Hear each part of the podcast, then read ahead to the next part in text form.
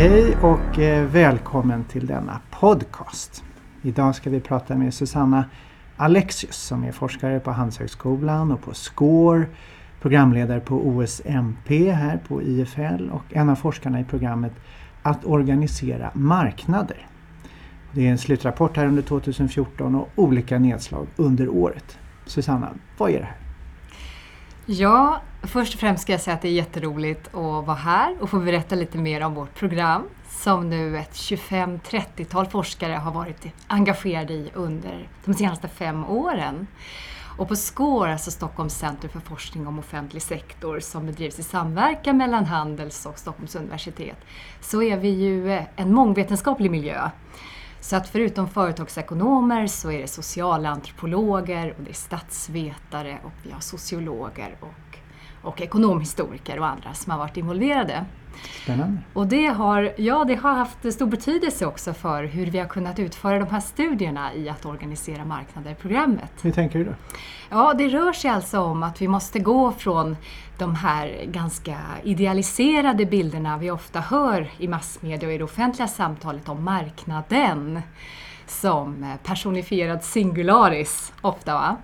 Eh, och titta på att det finns många olika marknader och en praktik som kan skilja sig rätt så mycket ifrån idealföreställningarna som råder och som styr rätt många av oss. Kan du ge ett exempel bara snabbt? I? Ja, till exempel kan man säga att idag finns en föreställning om att marknader ska vara så rena som möjligt. De ska alltså vara så lika idealet som möjligt. Exempelvis så ska vi kunder vara oerhört rationella och ha förmåga till exempel att välja mellan alla de här pensionsfonderna som står oss till bud till exempel. Eller att spela lagom som det statliga spelbolaget till och med går ut med i sin reklam. För att ta ett exempel. Men det är inte säkert att verkligheten alltid är sådan att vi lever upp till de här idealen. Och då tycker vi att en intressant eh, slutsats som vi drar gång på gång, det är det att om vi förstår marknader som organiserade, det vill säga att det alltid behövs en viss grad av organisation för att få marknader att upplevas som fungerande, så får vi se eh, många intressanta insikter eh, ifrån det resonemanget. Och bara för att förklara lite vad jag menar så tänker vi oss då att det finns fem olika organisationselement som man kan uppmärksamma i vanliga organisationer så att säga. Och det är då medlemskapet, att man har en viss grupp som är knutna till organisationen. Vi har en hierarki, att någon eller några har möjlighet att besluta över de här medlemmarna. Sen har vi då regler, som är ganska vanligt förekommande, stadgar men också andra former. Sen har vi då också kontroll, sanktioner och möjligheter att övervaka. Det här behövs för att skapa marknader? Ja, det, och då ser vi att allt det här, alltså en fullständig organisation, eh, det ser vi kanske inte på de flesta marknader. Där ser vi kanske att börsen är ett intressant exempel på en väldigt höggradig organisation. Men de flesta andra, de har i alla fall någon grad. Så att om vi tar exemplet taximarknaden, som jag själv har studerat nyligen, så kan man säga det att politikerna 1990 avreglerade väldigt drastiskt den svenska taximarknaden. Lite grann i ett slag så, så drog man undan all organisering. Och då tänkte man ju sig just att det här skulle bli så oerhört fritt och rent och välfungerande. Nu var det bara priset som skulle styra och om nu bara konsumenterna eh, skulle då vara rationella och säljarna skulle bete sig eh, så att säga, korrekt, va? så skulle eh, det här gå som en dans. Men i själva verket så har det nu då uppträtt organisationsreform efter organisationsreform på den här marknaden. Och jag har varit ute till exempel på Swedavia och på Jernhusen som är offentliga bolag som sköter alltså våra stationer. Eh, järnvägsstationer eller flygplans, eh, flygplatser helt enkelt. Och tittat på att de måste bygga upp lokala organisationssystem för att få det här att fungera för resenärerna. Men vi bara backa lite, mm. marknader, man definierar dem. Kan, de, kan det vara en marknad om inte de där kriterierna har fallit in? Alltså vi, vi, som vi ser det så består ju en marknad snarare av ett antal marknadselement. Då. Det ska finnas köpare, det ska finnas säljare, någon form av konkurrens. Det måste ju finnas något att utbyta förstås, en vara eller en tjänst. Och vi har ju ett pris också som är med och styr mycket av detta i utbytessituationen. Men om man går in och tittar på då, hur får man detta att fungera så har ju de flesta lämnat den här idén om att det är en osynlig hand Så säga, om, om vi drar oss undan helt så kommer allting att bli frid och fröjd. Förutom 1990? Ja, exakt. Nej, men så ser det inte ut. Va? Och det, det, var skrivet i både den här veckan och förra veckan i, i DN om de här avregleringarna som nu kritiseras stort. Där taximarknaden är en, men tågmarknaden är exempel på en annan. Och då kan man säga att genom vårt program så får vi insikt i att det går inte bara att dra bort allting och tro att de här idealen så att säga ska bli självuppfyllande profetior för hur praktiken faller ut. Eh, för att i praktiken så behövs det alltid en viss grad av organisation. Eh, tar du till exempel undan alla regler ifrån myndighetshåll till exempel tona ner lagstiftning och sanktioner och, och eh, tillsyn och så, så kommer det att växa upp eh, branschstandarder istället, alltså en annan typ av regler för att få det hela att fungera. Så att eh, vi menar att organisering själva verket är en förutsättning för, för välfungerande marknader snarare än den här dikotomin som man ofta hör talas om. Ska vi Kom ha... inte in och pilla här. På. Nej, precis. Ska vi ha byråkrati eller ska vi ha marknad? Oh, vi ska ha den rena marknaden. Men i själva verket, för att vi ska få den upplevelsen, då behövs det väldigt mycket organisation.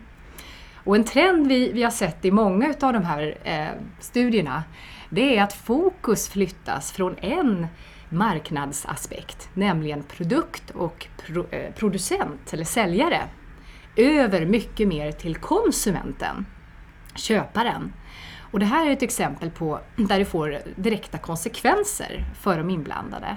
Alltså i det fallet där mer och mer ansvar till exempel flyttas ifrån producenter över på oss konsumenter som ska förmå att fatta beslut om, om allt ifrån eh, ja, vilka kravmärkta produkter vi vill ha till att vi... Förändrar det här synen på marknaden menar du? Ja, det gör det. För exempelvis då så har vi en bok som tittar på, eh, kan man säga, det tidiga arbetet med att eh, lösa eller ordna olika värden som kan stå i konflikt på marknader.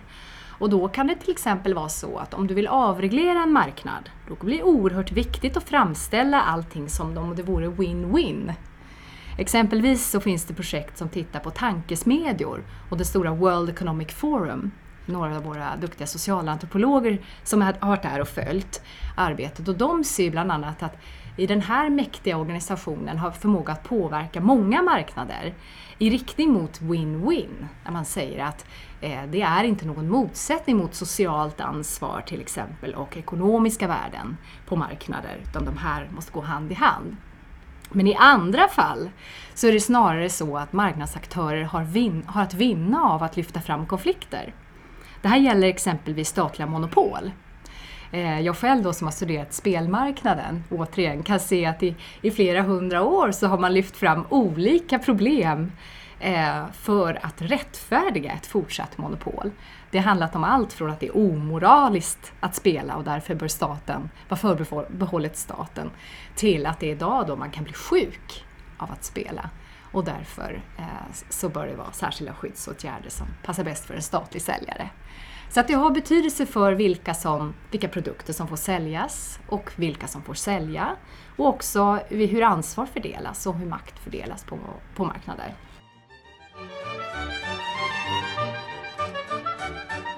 Så varför det här är viktigt, det har du nu besvarat lite. Eh, för att det är ju ett, ett sätt att omformulera synen på mm. marknaden. Att den osynliga handeln mm. försvinner lite. Att den rena marknaden är inte så ren längre utan den som är en ren marknad är den som är genomorganiserad. Mm. Vilket är ju paradoxalt. Mm. Så, alltså. så hur kan man då tänka annorlunda kring, kring det här när man närmar sig ordet marknad, när man hör ordet marknad? Vad är det mm. man ska tänka på då? Det första jag tycker man ska tänka på det är att det är marknader i, plural. Vill man verkligen förstå hur det fungerar i praktiken, då måste man alltid ha den här idén om att det är plural. Det är alltså en mångfald och alla ser inte likadana ut. Det finns olika typer och de förändras också. Alltså vi ser en social konstruktion, till exempel när det gäller då de här omstridda marknaderna så kan det vara då produkter, låt oss säga till exempel slavhandel som ett extremt exempel, som för många hundra år sedan då var en fullt accepterad legal vara i vissa, i vissa kontexter och idag är väldigt eh, naturligtvis både förbjuden och eh, väldigt illegitim sådan. Om man, om man backar lite bara, du säger olika typer av marknader. Mm. Finns det arketypiska marknader? Om du lägger ut liksom tre, fyra stycken, vad, vilka typer av marknader finns det? Ja, det, det, finns lite olika sådana där typologier. Och eh, jag tror att egentligen det intressantaste med dem, det är att vi ska förstå att det är inte så att alla fungerar likadant. Det är egentligen det viktigaste i det här. Finns det några som fungerar likadant? Ehm, ja, det gör det ju naturligtvis. Men jag, jag, tror att det viktiga är att vi behöver backa bandet mycket längre bak i processerna för att förstå hur det blir som det blir med organiseringen. Om vi tar ett konkret eh, exempel på det så kan man säga att eh, i media får vi ofta höra, höra talas om att det är en marknad som har fallerat. Nu måste den styras upp, den här marknaden, så att säga. Det har blivit ett misslyckande. Och då kommer organiseringen in. Det är då vi får till exempel stärkta regler kring, kring banker och annat. Eh, men det viktiga är också att titta mycket längre bak i och se till exempel hur spelas sådana här kriser upp? Vad är det som blir, spelas ut som en kris och vad är det till exempel som döljs och aldrig når eh, dagstidningar Eh, och aldrig når fram som, som en potentiell kris. Och där kan man se till exempel att eh, vi har en, eh, en studie av barnförsäkringar som är väldigt intressant där ekonomhistoriker visar att de konflikter, de missnöjen som föräldrar har när de inte får den ersättning de trodde sig ha rätt till när det gäller barnförsäkringar och även olycksförsäkringar. Eh, de stoppas upp i interna organisationsprocesser som liknar domstolsväsendets fast som är helt de privata försäkringsbolagens på deras mark. Så man kan säga att man lite grann lurar eh, kunderna att tro att de har fått en rättslig bedömning. Eh, som, det är ganska intressant hur spelet ser ut. Därför det påminner om hur det... Ja, det påminner om det rättsliga. Och i och med detta då så, så nöjer sig betydligt fler än vad man kanske annars skulle göra med det beskedet man får. Eh, och på det sättet då så är det väldigt svårt att Ja, det finns inte tillräckligt med missnöje helt enkelt som kommer fram i dagstidningar. Så att vi har sett en rad sådana här exempel på likadant en annan studie när de skulle avreglera apoteks, eh, ville avreglera apoteksmarknaden. Hur den här potentiella konflikten då med att läkemedel skulle hamna i orätta händer och andra problem som är knutet till det här eh, tonades ner och försvann i olika skrivningar långt före det blev aktuellt att fatta beslut. Så det handlar om alltså, vilka marknadsaspekter kommer i fokus och vad är det för bilder vi får se? Så att säga. Hur, hur formas de här problemen långt innan det blir en kris? Så där finns det ett förlopp som du känner igen, eller? Ja, och, och vi menar på att det är de här eh, långa processerna som vi måste studera för att förstå eh, hur marknader så småningom eh, kommer att organiseras. Till exempel vilka produkter som får säljas eller vem som får sälja eller eh, ja, hur mycket ansvar konsumenten får. Så du menar att det är någon språk, inte språkförbistring, men det är ett sätt hur vi definierar det som gör att vi förleds att tro att det är mer ordning än det är? Ja, så, så kan man säga och också det här att man glömmer bort då till exempel i den här eh, Eh, spelstudien så kan man se då att fokus låg väldigt tydligt på de här farliga spelen. Och nu idag så är det nästan ingen som pratar om farliga spel utan idag är det oansvariga spelare som måste utrustas och lära sig göra budget och så vidare. Det har varit en stor rörelse som vi har kunnat se också eh, i samhället där, eh, där det är alla möjliga aktörer som vill förse oss individer med verktyg och råd och information. Och det heter ofta sådana här mjuka saker som kartläggning och verktyg. Men om vi upprätthåller så här, för mm. det här är ju ett fenomen som man ser på, på bank och på musik och elleverantör och vad du vill. Det är samma sak. Hur, hur har den här förskjutningen mm. skett då och vad säger det om marknaden? Mm. Ja, intressant här är ju då att se vilka kan vara med och påverka en marknad. Och där är ju ofta så att säljarna är ganska så mäktiga organisationer som kan vara också väl företrädda i olika branschorganisationer där just den här organisationsaspekten medlemskap är då viktig och central för att förstå hur det här går till. Och där kan man säga att har du mycket inflytande tidigt och kan forma diskursen kring marknaden, till exempel vad uppfattas som marknadens baksida och vad uppfattas inte som marknadens baksida? Då, då kommer det att få genomslag sen i, i de reformer man föreslår och så vidare. Kan du inte återkomma till de här begreppen om hur du definierade Mm. en marknad? För Mm. den fria marknaden hade ingenting av det där och så var det Mm. organisering Just och så det. var det... Vilka Jo, då är, det, då är det alltså regler och det är det väldigt klassiska som man har tänkt att organiserar man marknaden så gör man det med regler. Mm. Eller hur? Och att det är den staten som går in med regler för marknaden. Men idag är det lite otrendigt med regler. Så att vad vi ser istället det är mer utav det andra. Och framförallt de här mjukare formerna av eh, kontroll eller övervakning eller eh, vad ska vi säga, olika klubbar och medlemskap och den typen utav Det låter som det är en aspekter. tanke bakom det här hur en marknad då förändrar skepnad för att bli mer effektiv eller för att nå ut bättre. Eller? Ja, man kan ju också välja att se det som att det är ett skifte generellt, eh, en del utav ett större idéskifte i samhället. Där, eh, alltså det gäller skolan och det gäller på alla möjliga områden idag, att mer och mer ansvar läggs på oss individer. Eh, och där kan man säga att då istället för att dra tillbaka farliga produkter ifrån marknader så lägger man till eh, en arsenal utav hjälpmedel och guider och råd för oss konsumenter att välja. Jag har ett roligt exempel på det där som jag brukar dra. En köttaffär i New York som en kollega besökte. Där de hade allt ifrån det rödlistade, mest rödlistade köttet till det mest ekovänliga, grönlistade. Och när min kollega då frågade eh, butiksinnehavarna om det här, hur tänker ni kring det här då? Nej, sa, sa vederbörande då, att det här är ju helt upp till konsumenten att välja. Vi tillhandahåller ju bara bredden. Och det menar vi är lite typiskt för idag. Att, ehm, Man eh, lämnar över på man konsumenterna. lämnar tänker över. Precis. Och eh, där kan man ju också se då att det blir rätt många ansvarsluckor som vi bland annat eh, pratar om. Alltså det, det, blir, det blir ansvar, viktiga, viktiga frågor som faller mellan stolarna. Därför att om du försöker att reglera de här, såna här marknadens baksidor och ansvarsfrågor med utbud och efterfrågan så det är klart att bara för att det här bjuds ut, va, de här verktygen, så Det är inte säkert. Ja, det är inte säkert att någon tar dem. Men man kan legitimera sin verksamhet genom att säga jo men vi har information och vi har verktyg. Varsågod, varsågod använd att dem. använda dem. Va? Så att det, där ser man ett skifte där, eh, där vi undrar lite över hur, hur, hur det kommer gå för oss konsumenter. Om vi verkligen kan, kan utrusta oss och bli så där rationella och kapabla som, som Så det finns en, idealet. politi- en politisk aspekt i avregleringen här tänker du? Eller? Ja, Fast ni går inte in på politik så. Nej, utan det här är ett grundforskningsprogram så att vi tar inte någon normativ ställning.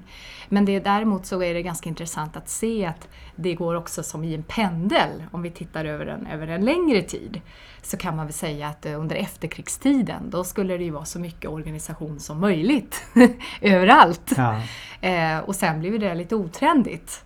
Och kan man säga från början av 90-talet, slutet av 80-talet, så har ju den här New Public Management-vågen och neoliberalismen och eh, KBT som är en, annan sån här eh, rörelse i samklang med dem, risksamhället och så vidare, dragit in på bred front. Och, och eh, det märker vi i våra studier. Så att man kan nog säga att det är också ganska tidstypiskt att det är väldigt mycket prat om marknaden som ideal och marknader som lösningar. Hur, hur liten kan en marknad vara? Kan det vara två personer? Kan det vara en person? Ehm, Nej, det måste väl vara lite fler för du måste ha någon säljare och köpare och så måste det vara konkurrens i alla fall. Va? Så att åtminstone Tre. Åtminstone tre skulle jag nog säga. Men, men, men man kan säga att det är en intressant twist på det här också. Där man ser hur vi in absurdum tror på marknader. Det är det att om en marknad fallerar på något sätt, om vi upplever det så, ja, då blir lösningen ofta att skapa ännu fler marknader som svar på problemet.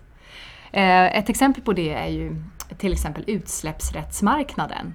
När det inte fungerade då med, med, i metallproduktion och annat, att man betalade för de resurser man använder i typ eh, ren luft och vatten och så vidare.